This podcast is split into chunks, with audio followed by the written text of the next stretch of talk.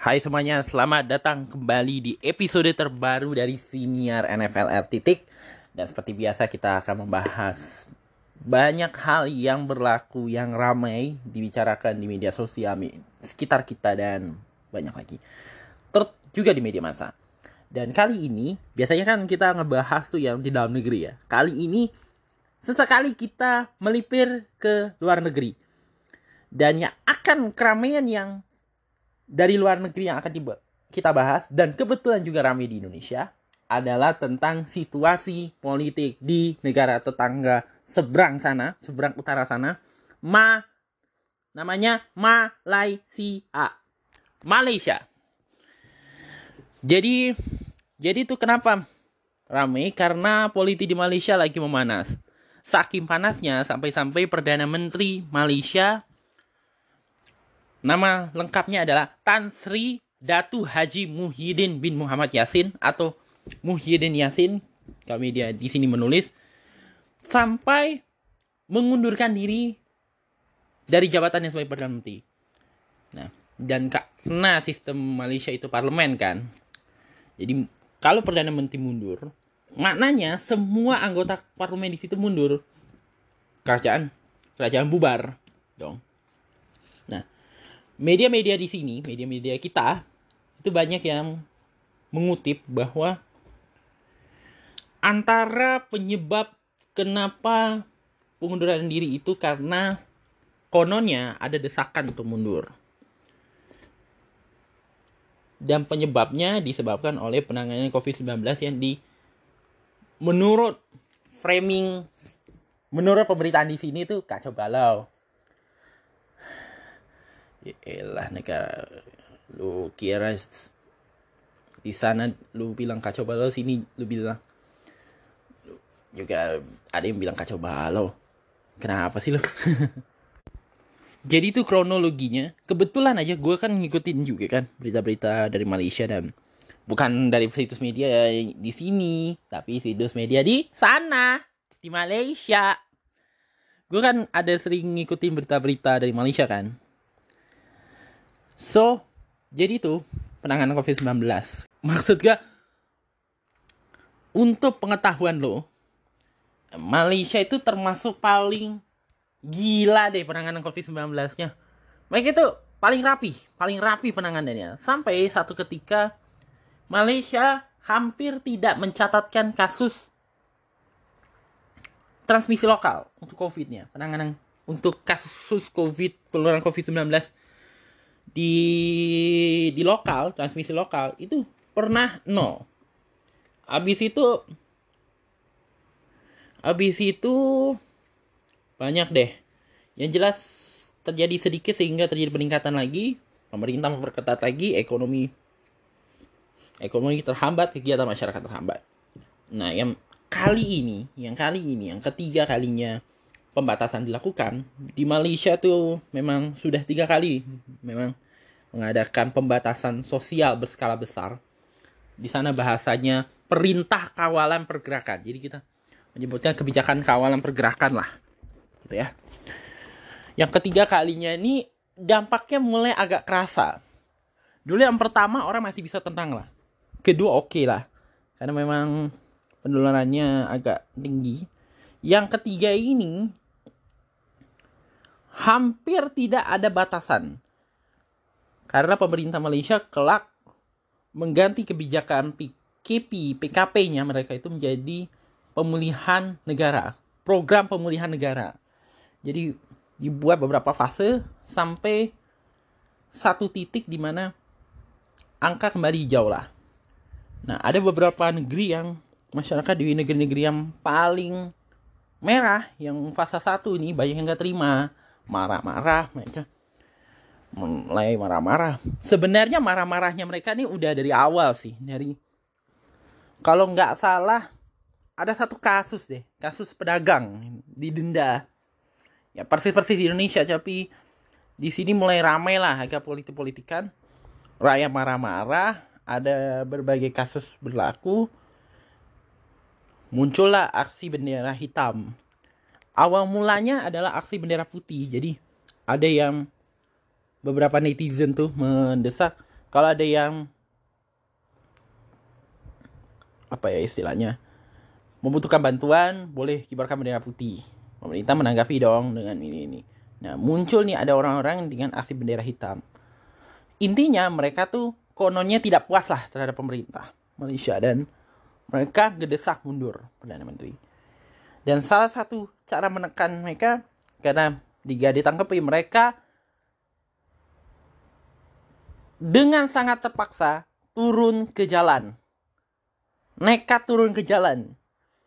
Mereka buat demonstrasi, jumlahnya 400 orang di lapangan Merdeka, lapangan Merdeka Kuala Lumpur, Malaysia, ibu kota Malaysia.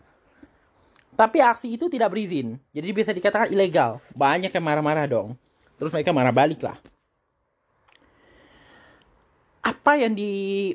Jadi, maksud gue tuh, memang betul ada ketidakpuasan masyarakat terhadap penanganan COVID-19. Di kepada kerajaan Malaysia. Tapi bukan hanya kerajaan Malaysia juga yang dianggap banyak yang nggak puas terhadap kinerja kerajaannya untuk hmm, kita juga kayak gitu. banyak nggak puas. Tapi menurut gue betul memang ada ketidakpuasan, tetapi sebenarnya bukan penyebab utama. Perdana Menteri Muhyiddin mundur. Penyebab terbesarnya kalau lu baca-baca berita dari Malaysia ya kalau lu sering lu mau ngikutin berita di Malaysia tuh salah satunya gue begitu tahu yaitu adanya penarikan dukungan daripada 15 anggota UMNO awalnya 8 orang jadi tuh presidennya nih presidennya uh, Zaid Hamidi mantan perdana menteri Malaysia sebelum Pakatan Haram kerajaan berikutnya mengambil alih itu bilang bahwa ada tujuh delapan ahlinya yang menarik dukungan. Habis itu Muhyiddin panggil dong oleh Istana Negara, dipanggil oleh Kepala Raja Malaysia. Yang disebut dengan Yang di Pertuan Agung, Sultan Abdullah, bahwa ada delapan orang menarik dukungan. Tapi Muhyiddin masih kekal bertahan karena dia kononnya menurutnya menurut dia masih memiliki dukungan yang besar dia tunjukin lah surat itu dan mengusulkan adanya mau mengusulkan adanya mosi percaya di parlemen nah habis itu dia buat pengumuman yang mengajak apa ya ahli-ahli daripada pembangkang untuk bernegosiasi lah. Banyak negosiasi dia termasuk yang selama ini banyak dituntut oleh para oposisi alih-alih oposisi yaitu tentang uh, syarat anak muda untuk memilih 18 tahun terus lagi undang-undang masa jabatan dua kali untuk perdana menteri gitu kan dan sebagainya. Tetapi tidak digubris juga tidak digubris oleh oposisi habis itu yang hilang percaya terhadap perdana menteri bertambah lagi 7 jadi 15 akhirnya mau tidak mau suka tidak suka Tan Sri Muhyiddin harus atau Muhyiddin atau Mahyadin bin Muhammad Yasin dengan berat hati harus memutuskan untuk mundur. Dan kalau seperti yang gue tadi bilang kalau perdana menteri mundur maka kerajaan terbubar dong. Semua harus mundur jadi itu betul bahwa salah satu penyebab Muhyiddin mundur karena adanya adanya pernah ada kritik mengenai penanganan COVID-19. Ah, belibet Tapi lebih dari itu, ada faktor politik di balik pengunduran diri Perdana Menteri ini. Dan ini sebenarnya bisa dijelasin. Ada tiga, lebih tepatnya ada tiga alasan kenapa Muhyiddin mundur. Ada tiga faktor. Lebih Faktor pertama adalah faktor utama adalah pertama, yang pertama terlanjur karena janji. Jadi gini, gue kan ngikutin berita-berita di Malaysia ya. Kan, Muhyiddin satu ketika uh, berlaku sedikit kekacauan politik di Sabah. Jadi Sabah tuh yang perajaannya nggak mau dilengsarkan lah sehingga meminta ketua ketua kerajaan di Sabah untuk membubarkan Dewan Undangan Negeri.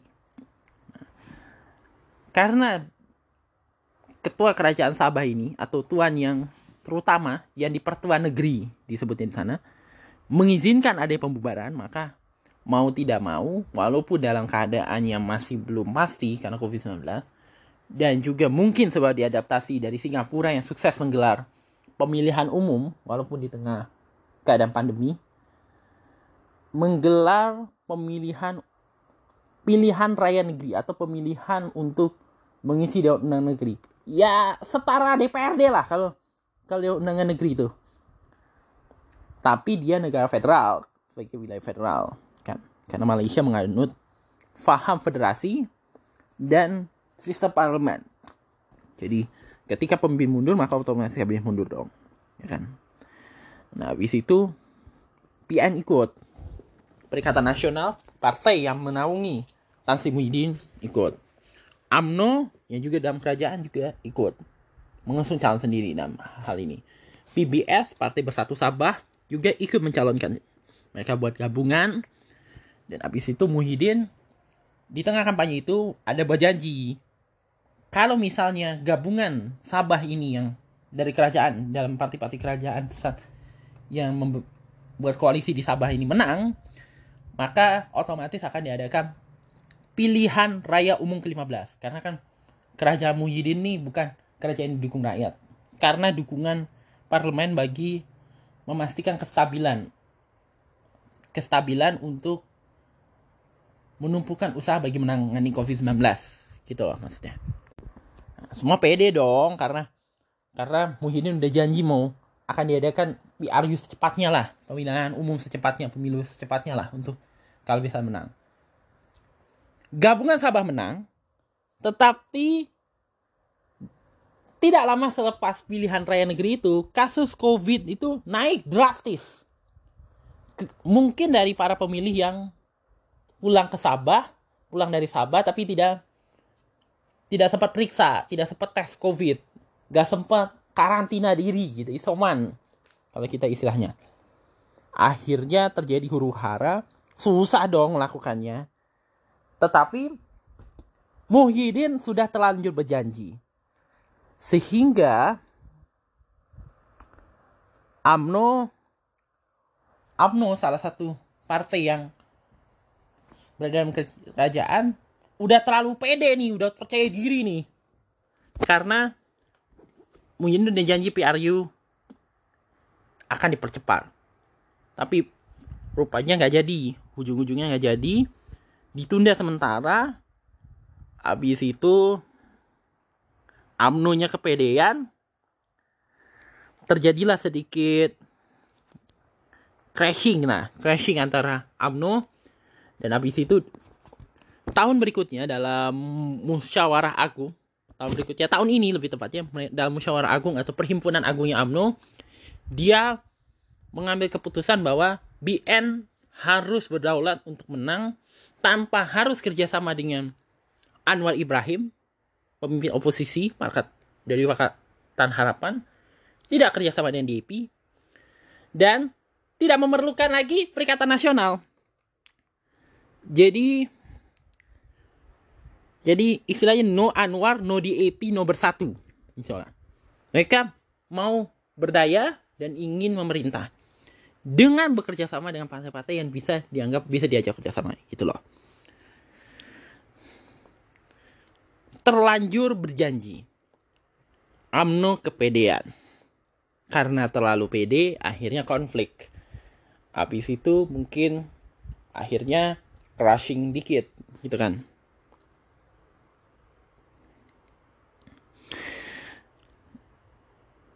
Apakah sebab janji juga yang menjadi penyebab Muhyiddin mundur? Enggak juga.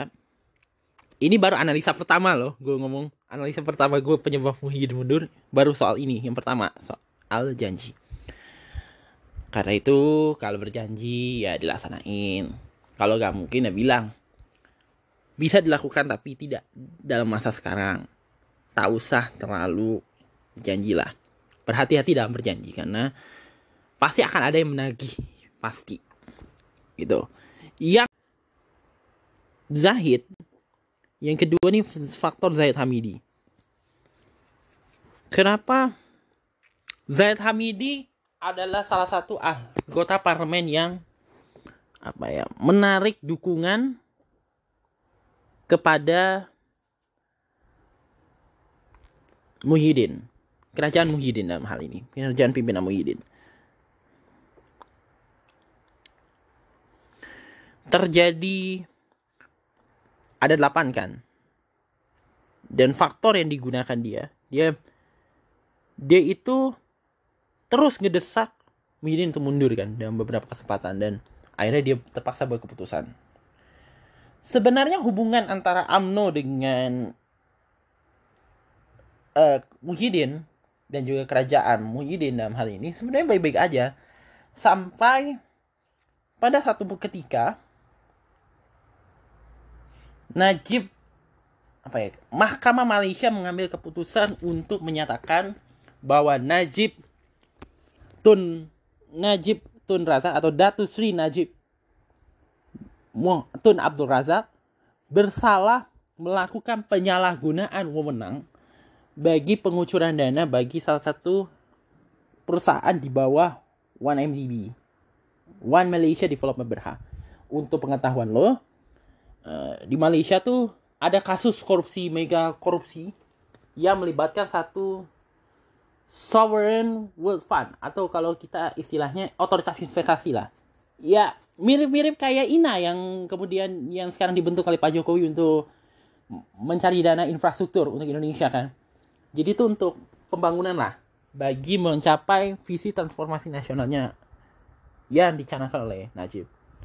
Tapi lambat laun diduga ada penyalahgunaan.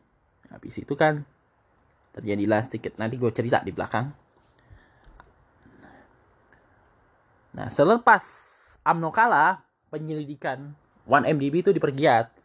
Najib masuk masuk pemidanaan dan akhirnya dua tahun kemudian dinyatakan bersalah, hukuman penjara 12 tahun dan perlu membayar denda. Gue lupa berapa dendanya. Gara-gara ini, akhirnya AMNO mengambil keputusan untuk keluar dari Perikatan Nasional tapi mendukung kerajaan. Lambat laun sikap hubungan ini malah makin memanas lah. Apalagi setelah salah satu anggota parlemen, uh, Tengku Razali, kononnya membayangkan mungkin kerajaan akan jatuh pada saat pembentangan undang-undang perbekalan di parlemen. Jadi itu jadi itu akhirnya terjadi sedikit kekacauan lah. Kemudian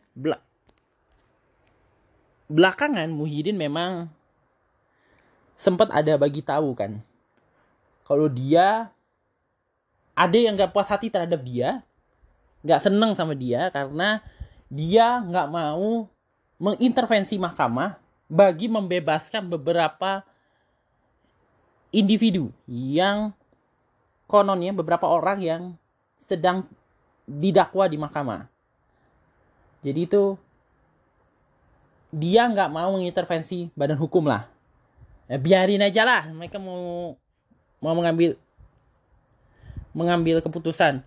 Dan memang seharusnya pemimpin seperti itu menurut gua. Memang seharusnya pemimpin dalam pragmatisme politik yang agak absurd memang perlu independen. Nggak boleh mengatur sekena hatinya kayak Soekarno pada era kepemimpinan terpimpin yang di mana semuanya diatur di bawah kendali dia. Nggak boleh.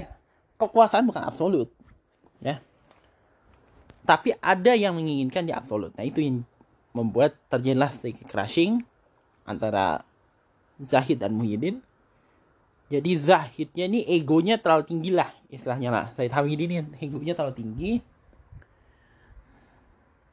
Ketinggian akhirnya dia membuat keputusan yang di luar jangkaannya akhirnya meruntuhkan perikatan nasional 1.0 kita menyebutnya ya habis itu faktor ketiga yang ketiga tadi tadi udah yang pertama Muhyiddin terlalu berjanji Zaid Hamidi kepedean menteri dalam kerajaannya Muhyiddin ada keseleo lidah.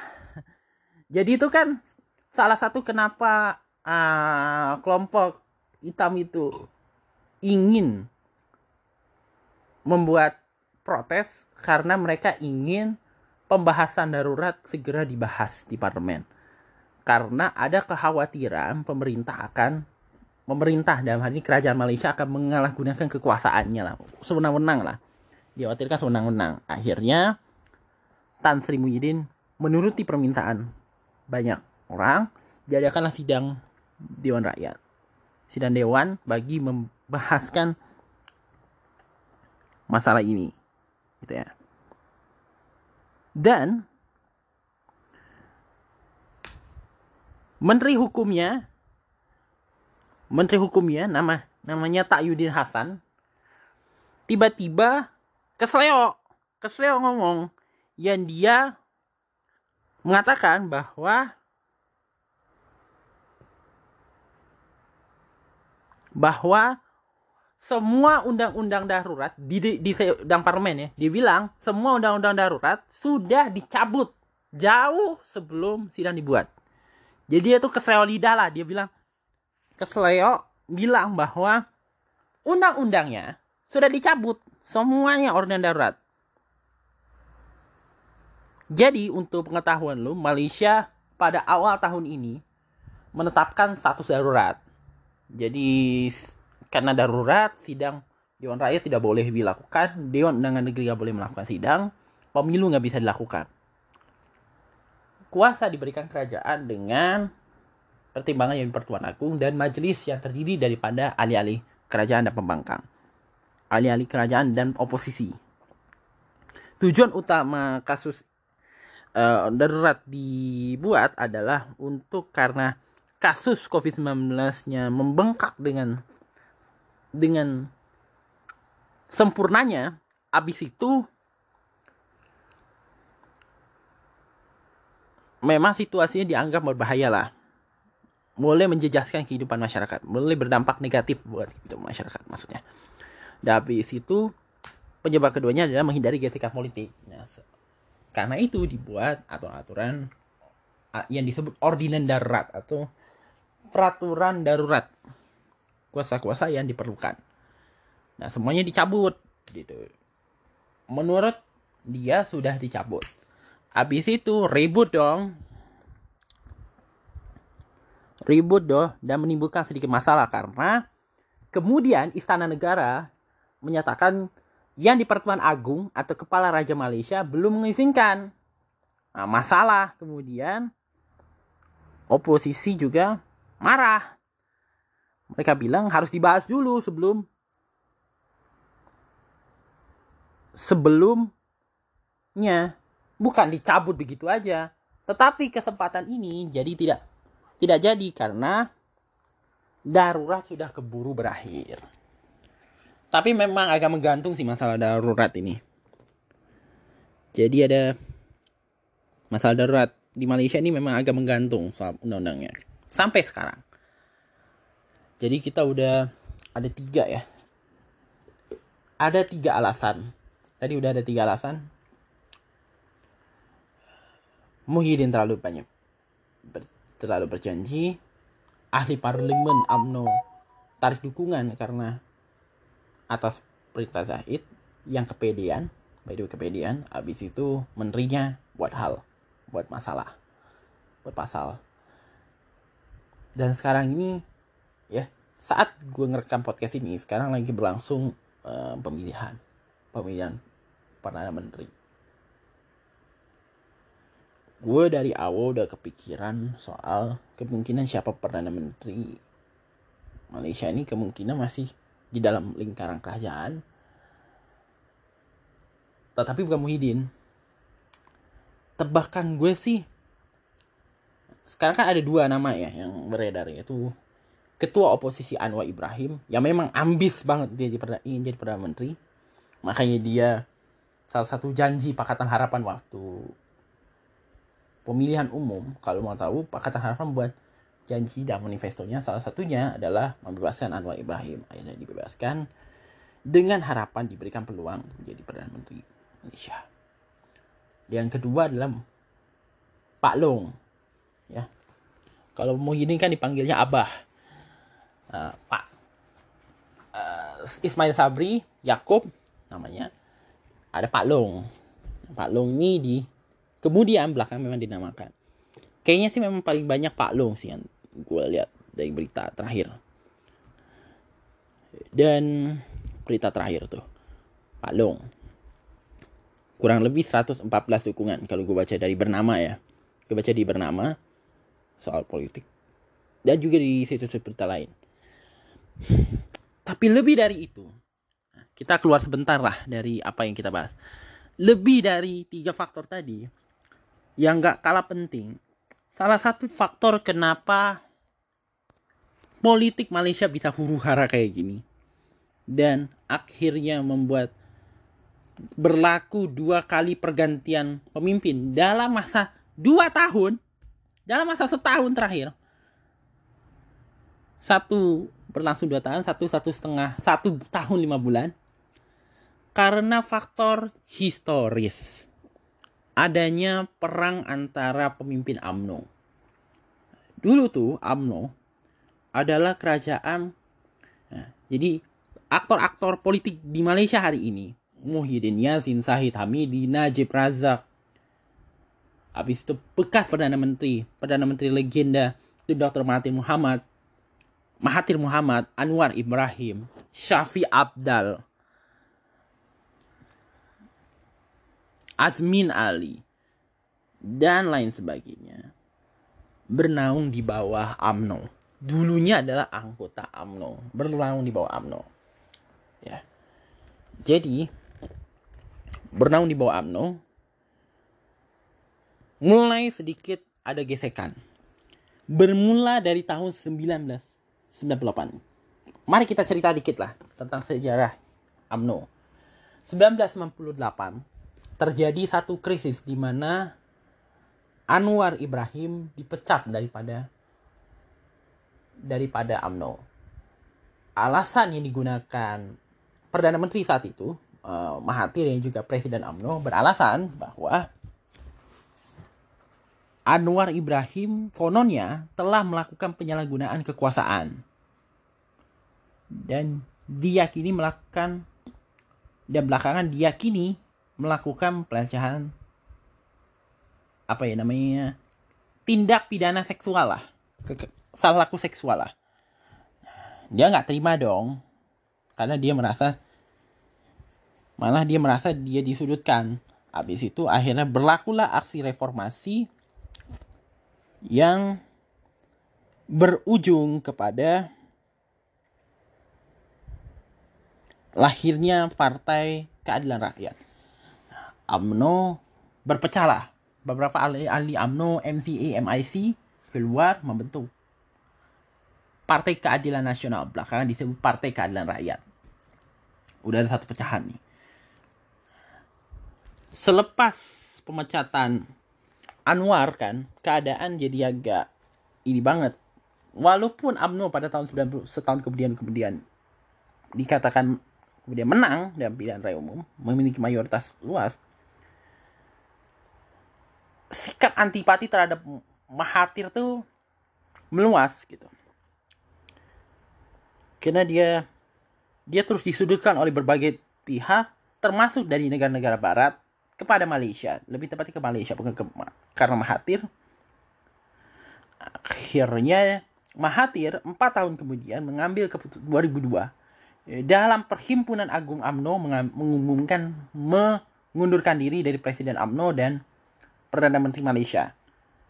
Banyak yang tidak terima dengan keputusan itu. Akhirnya dia bertahan setahun untuk memberi laluan setahun kemudian kepada penggantinya yaitu Abdullah Ahmad Badawi namanya Abdullah Ahmad Badawi Abdullah Ahmad Badawi kemudian memerintah Malaysia dan dia di masa anu di masa Badawi inilah akhirnya Anwar gue nggak tahu sama ada dibebaskan atau be udah bebas murni karena dari dari penjara pada saat itu. 2008 mulai terjadi krisis baru, masalah baru di dalam AMNO.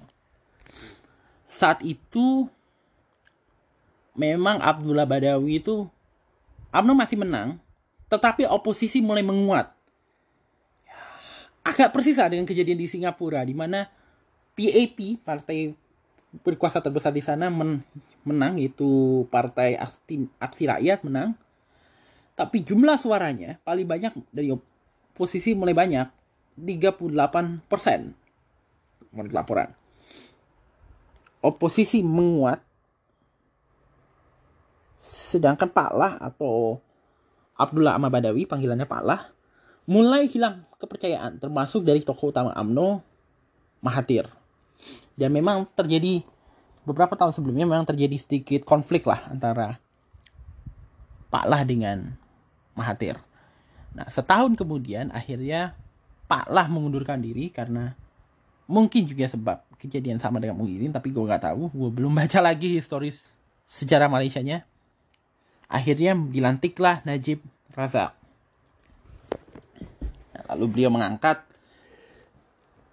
Gue sampai jadi akhirnya Najib mengangkat Muhyiddin sebagai deputi perdana menteri. Ya asumsinya ya kalau misalnya uh, Najib rasa mengundurkan diri satu masa nanti ya otomatis dia naik dong Muhyiddin sebagai perdana menteri. Nah, enam tahun berselang kasus korupsi 1MDB mulai mencuat ke permukaan dan kemudian bersamaan dengan itu juga muncul gerakan bersih yang mengkritik pentabiran kerajaan pimpinan Najib mereka menganggap Najib sudah tidak seharusnya meneruskan kerajaan karena kasus korupsinya lagi diselidiki oleh Suruhan Jaya Pencegahan Rasuah Malaysia atau apa ya istilahnya KPK-nya Malaysia lah, Komisi Pemberantasan Korupsinya Malaysia. Nah, dua menteri dalam kerajaan kerajaan melontarkan kritik kepada Najib karena tidak responsif terhadap gerakan bersih ini. Apa yang mereka terima kemudian menjadi awal daripada keruntuhan AMNO di kemudian hari yaitu di mana Muhyiddin dan Syafi Abdal dipecat dari jabatan menteri. Uh, kemudian timbalan menteri diganti oleh Zaid Hamidi. Habis itu Muhyiddin bergabung dengan Mahathir membentuk Partai Pribumi Bersatu Malaysia atau Bersatu yang belakangan di mana uh, Mahathir keluar karena ditangguhkan keanggotaannya akibat bersikap memilih bersikap oposan terhadap terhadap Perikatan Nasional. Kemudian Syafi Abda membentuk partai lokal yang namanya Warisan Sabah. Tiga tahun berselang, dua partai ini juga terus serta dalam pilihan raya umum. By the way walaupun sudah dipecat pun Muhyiddin dan Syafi'i tetap berada di parlemen karena mereka anggota parlemen. Tapi dari partai berbeda. Terjadi pengikisan. Dampak dari dari kasus ini terjadi pengikisan dukungan terhadap AMNO beberapa kursi parlemen milik AMNO pun mulai berkurangan pada saat itu karena kekalahan di beberapa pilihan raya kecil.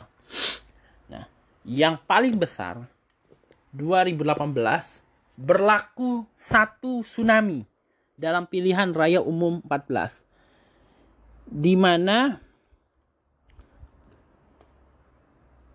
Pakatan Harapan atau gerakan Pakatan Harapan yang terdiri daripada Partai Keadilan Rakyat, PPBM, Amanah, DAP, Warisan juga turut mendukung, nyokong, akhirnya memenangkan pemilihan dan memiliki mayoritas kursi di Dewan Rakyat.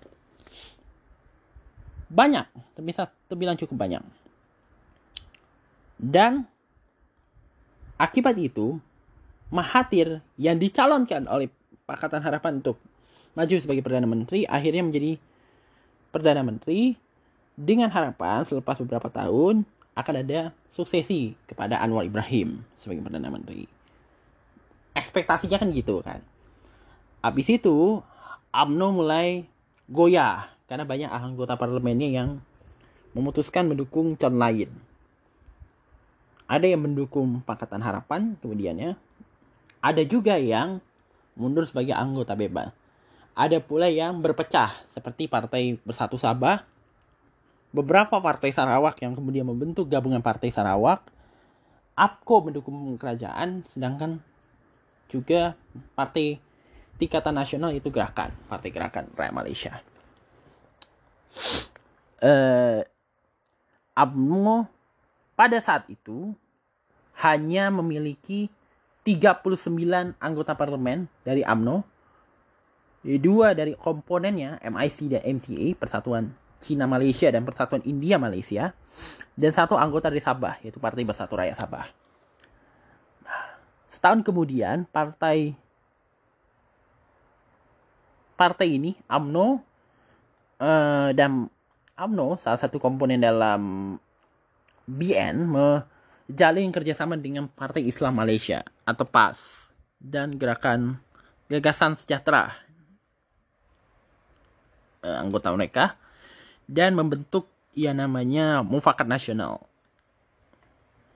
Nah, kemudian berkat kerjasama Mufakat Nasional itu uh, Am AMNO berjaya mempertahankan beberapa kursi di parlemen Malaysia di Cameron Highland dan Kimanis, Sabah dan Cameron Highlands Pahang serta memenangkan satu kursi punyanya bekasnya Pakatan Harapan di Johor.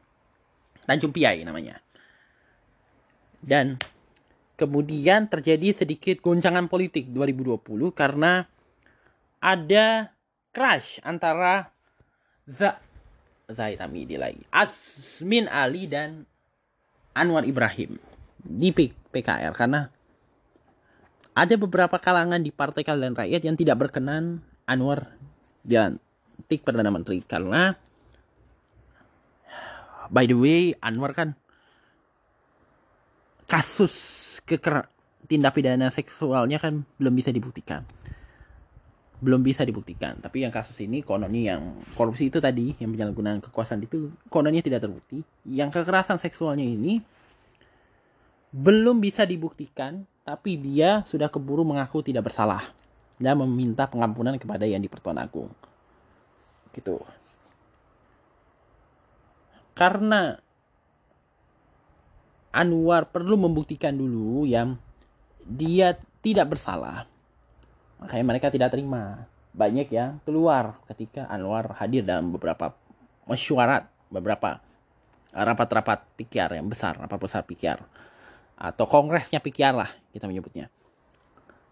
Dan berpuncak pada setahun kemudian ketika PKR memecat 11 anggota. 11 anggota partai. 10 di antaranya kemudian mendukung uh, Muhyiddin melalui Perikatan Nasional, satu lagi menyokong Mahathir. Nah, akibat itu kerajaan Pakatan Harapan jatuh dan kemudian Mahathir terpaksa mengundurkan diri lebih awal dari yang dijadwalkan dan tanpa sengaja. Jadi itu Mahathirnya juga keseleo lidah. Dia bilang mau mencadangkan Muhyiddin sebagai Perdana Menteri. Didukung dong. Akhirnya Muhyiddin naik. Seharusnya dia yang naik. Aduh, politik ya. Macam telah politik. Kadang ada yang puas, ada yang tidak puas ya. Di Malaysia. Dan memang faktor politik dendam tuh masih kerasa banget dalam dalam sisa politik Malaysia kalau lu mau tahu. Dan kenapa sih PH boleh menang pada saat itu? Nah, salah satu pengamat politik, gue non, pernah nonton di YouTube, jadi gue kan ngikutin ada beberapa pernah nonton beberapa video mengenai PRU 14. Di situ dia menjelaskan adanya tsunami pemilih. 2008 uh, UMNO BN mulai berkurangan suara karena pemilih India mulai meninggalkan MIC. Kemudian 2013 pemilih Cina, pemilih China keturunan Tionghoa itu mulai meninggalkan MCA dan gerakan. Dan beberapa masa kemudian pemilih Melayu mulai mulai antipati terhadap UMNO. Walau tidak di semua daerah pemilihan pada saat itu. Nah, sehingga menjadi awal dari kejatuhan BN. Yang jadi pertanyaan sekarang, apakah setelah kita belum tahu lagi, tapi memang kemungkinan besar kalau yang gue lihat di berita-berita di Malaysia mau di berita kalau ikuti program politik itu gue ngikutin di berita lokalnya Malaysia ya uh, kemungkinan Ismail Sabri Yakub atau Pak Long Mail yang akan naik sebagai perdana menteri ke-9 Malaysia uh, menjadi perdana menteri.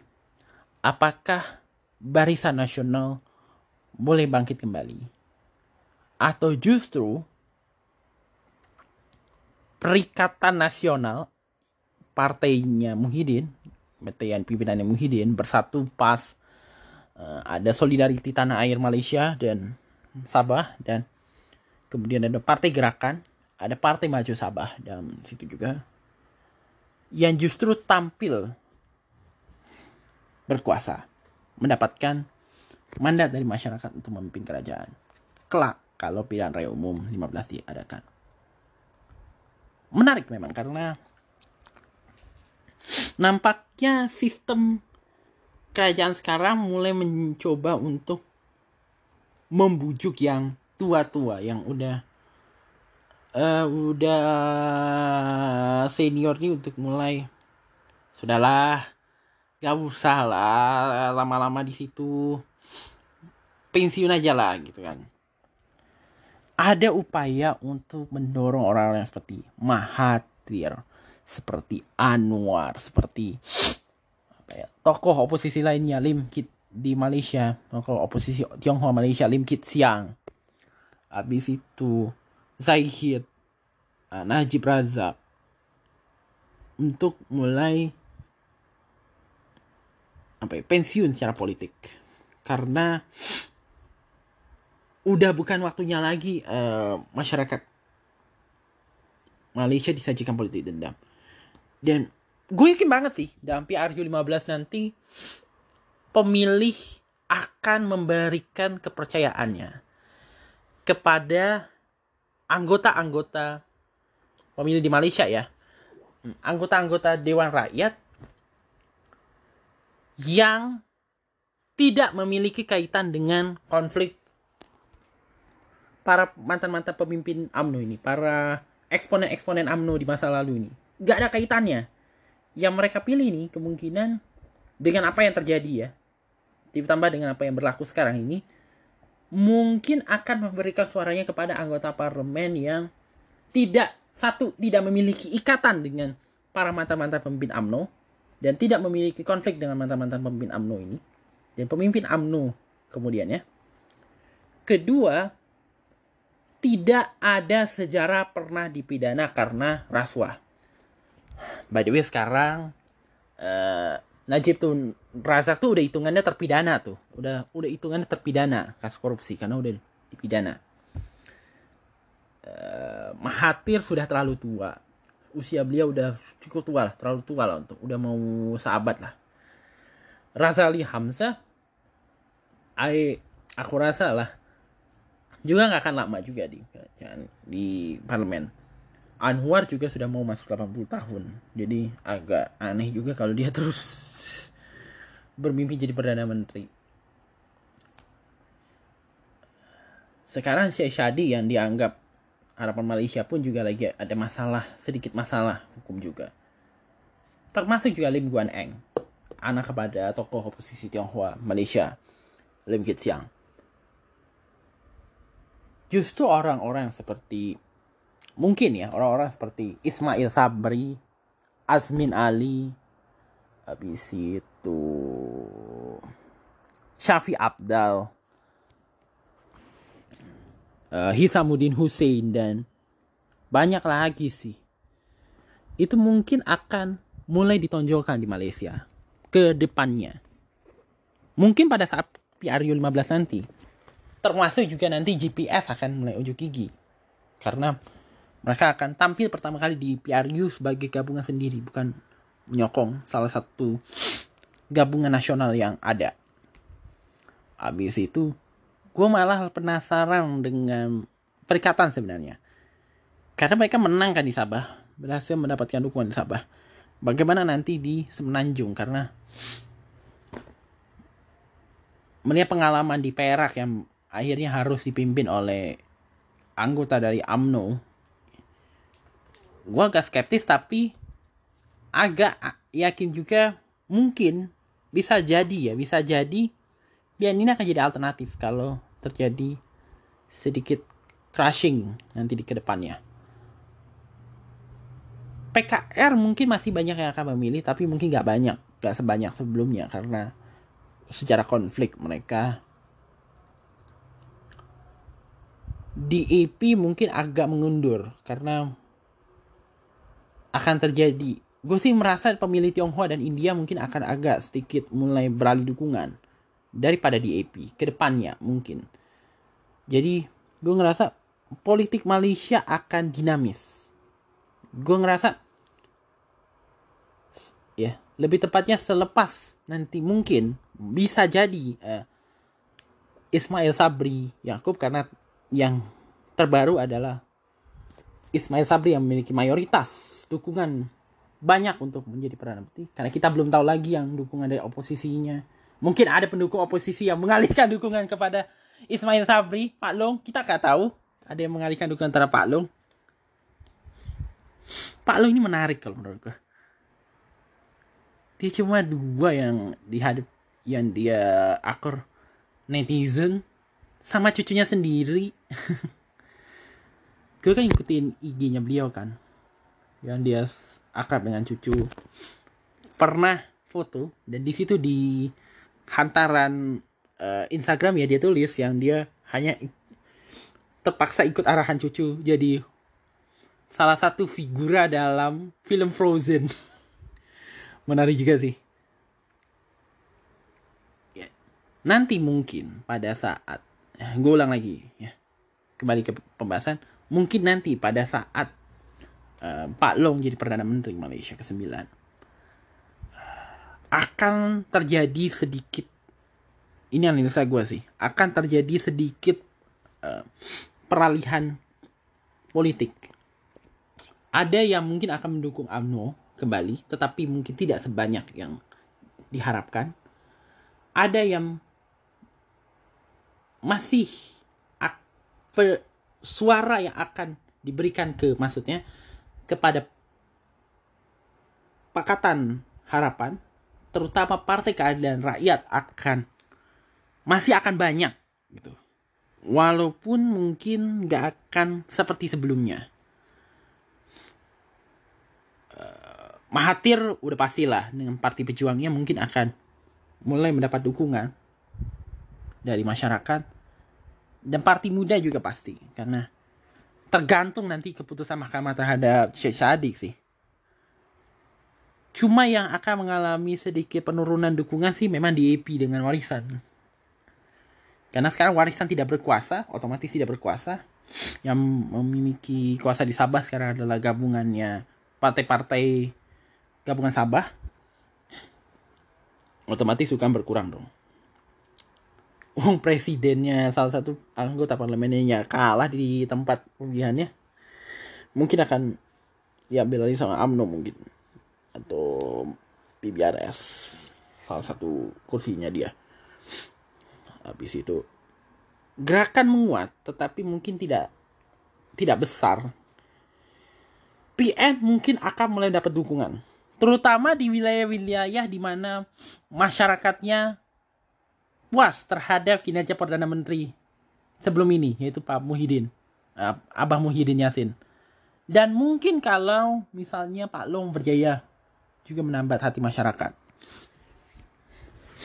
Rasanya dinamis selama ya, selama Malaysia masih menganut politik uh, parlemen dan mengakui raja sebagai pemimpin tertinggi. Monarki konstitusional. Monarki konstitusional maksudnya. maka dinamisme politik ini akan terus terjadi. Jadi apa sih yang kita bisa pelajari dari Indonesia dari apa yang proses politik ini? Ada dua sih. Ada banyak sih sebenarnya lebih tepatnya. Kalau lu nanti misalnya masuk ke dunia politik, usahakan untuk berpikir dulu sebelum berjanji. Satu ya. Yang kedua, sedini mungkin untuk belajar merangkul rawan. Merangkul lawan. Karena ini politik loh. Sekalipun mungkin lawan tidak mau kekuasaan pun tetap harus dirangkul. Apa ya? Diajak dialog, terutama dalam pengambilan keputusan yang berkaitan dengan kerajaan terhadap masyarakat itu perlu menurut gua membujuk lawan. Yang ketiga berikutnya ya adalah jangan pentingkan diri sendiri. Pentingkan kepentingan ramai dan dan terakhir adalah selalu ingat dengan janji kampanye karena pasti akan ada yang menagih. Dan kalau mengkritisi harus wajar, harus objektif, dan sadar diri, mawas diri bahwa mungkin satu saat nanti saya juga akan dikritik dengan hal yang sama, mungkin. Banyak lagi sih, tapi pelajaran penting dari politik Malaysia adalah politik itu dinamis. Jadi jangan baper, ya. Banyak banget yang pada baperan di politik. Ya. Politik tuh kawan pun bisa jadi lawan. Lawan pun boleh jadi kawan satu saat nanti. Jadi jangan baper kuncinya. Dan tetap semangat dalam memperjuangkan apa yang diyakini. Itulah sedikit nukilan panjang dari analisa melar melipir keluar itu nama nama tajuk dari edisi perdananya Melar yaitu tentang politik Malaysia yang menjadi edisi perdana daripada Melar maksudnya. Terima kasih sudah mau mendengarkan siniar NFLR. Uh, boleh diikuti uh, Instagram aku nval titik r. Uh, akun tentang siniar NFLR di situ karya-karya foto aku juga diposting di situ dan juga akun pribadi aku uh, NFL 98 yang jarang dimainin tapi sering banget. Gue kalau buat story uh, gue juga punya Twitter at nval underscore r. Random isinya boleh di follow juga kalau ada yang mulai aktif lagi di Twitter dan sampai berjumpa kembali di edisi berikutnya daripada Siniar NFL titik Telakar awan di langit, raut wajahmu menghiasi seluruh ruang hatimu. Setiap indah cinta pasti ada peritnya, di akhirnya sempurna. Di dalam mekarku sembunyi pilumu. Di tiap langkahku tersirat kasih rindu. Dengarkan bisikku, sambutlah tanganku sebelum kau luka.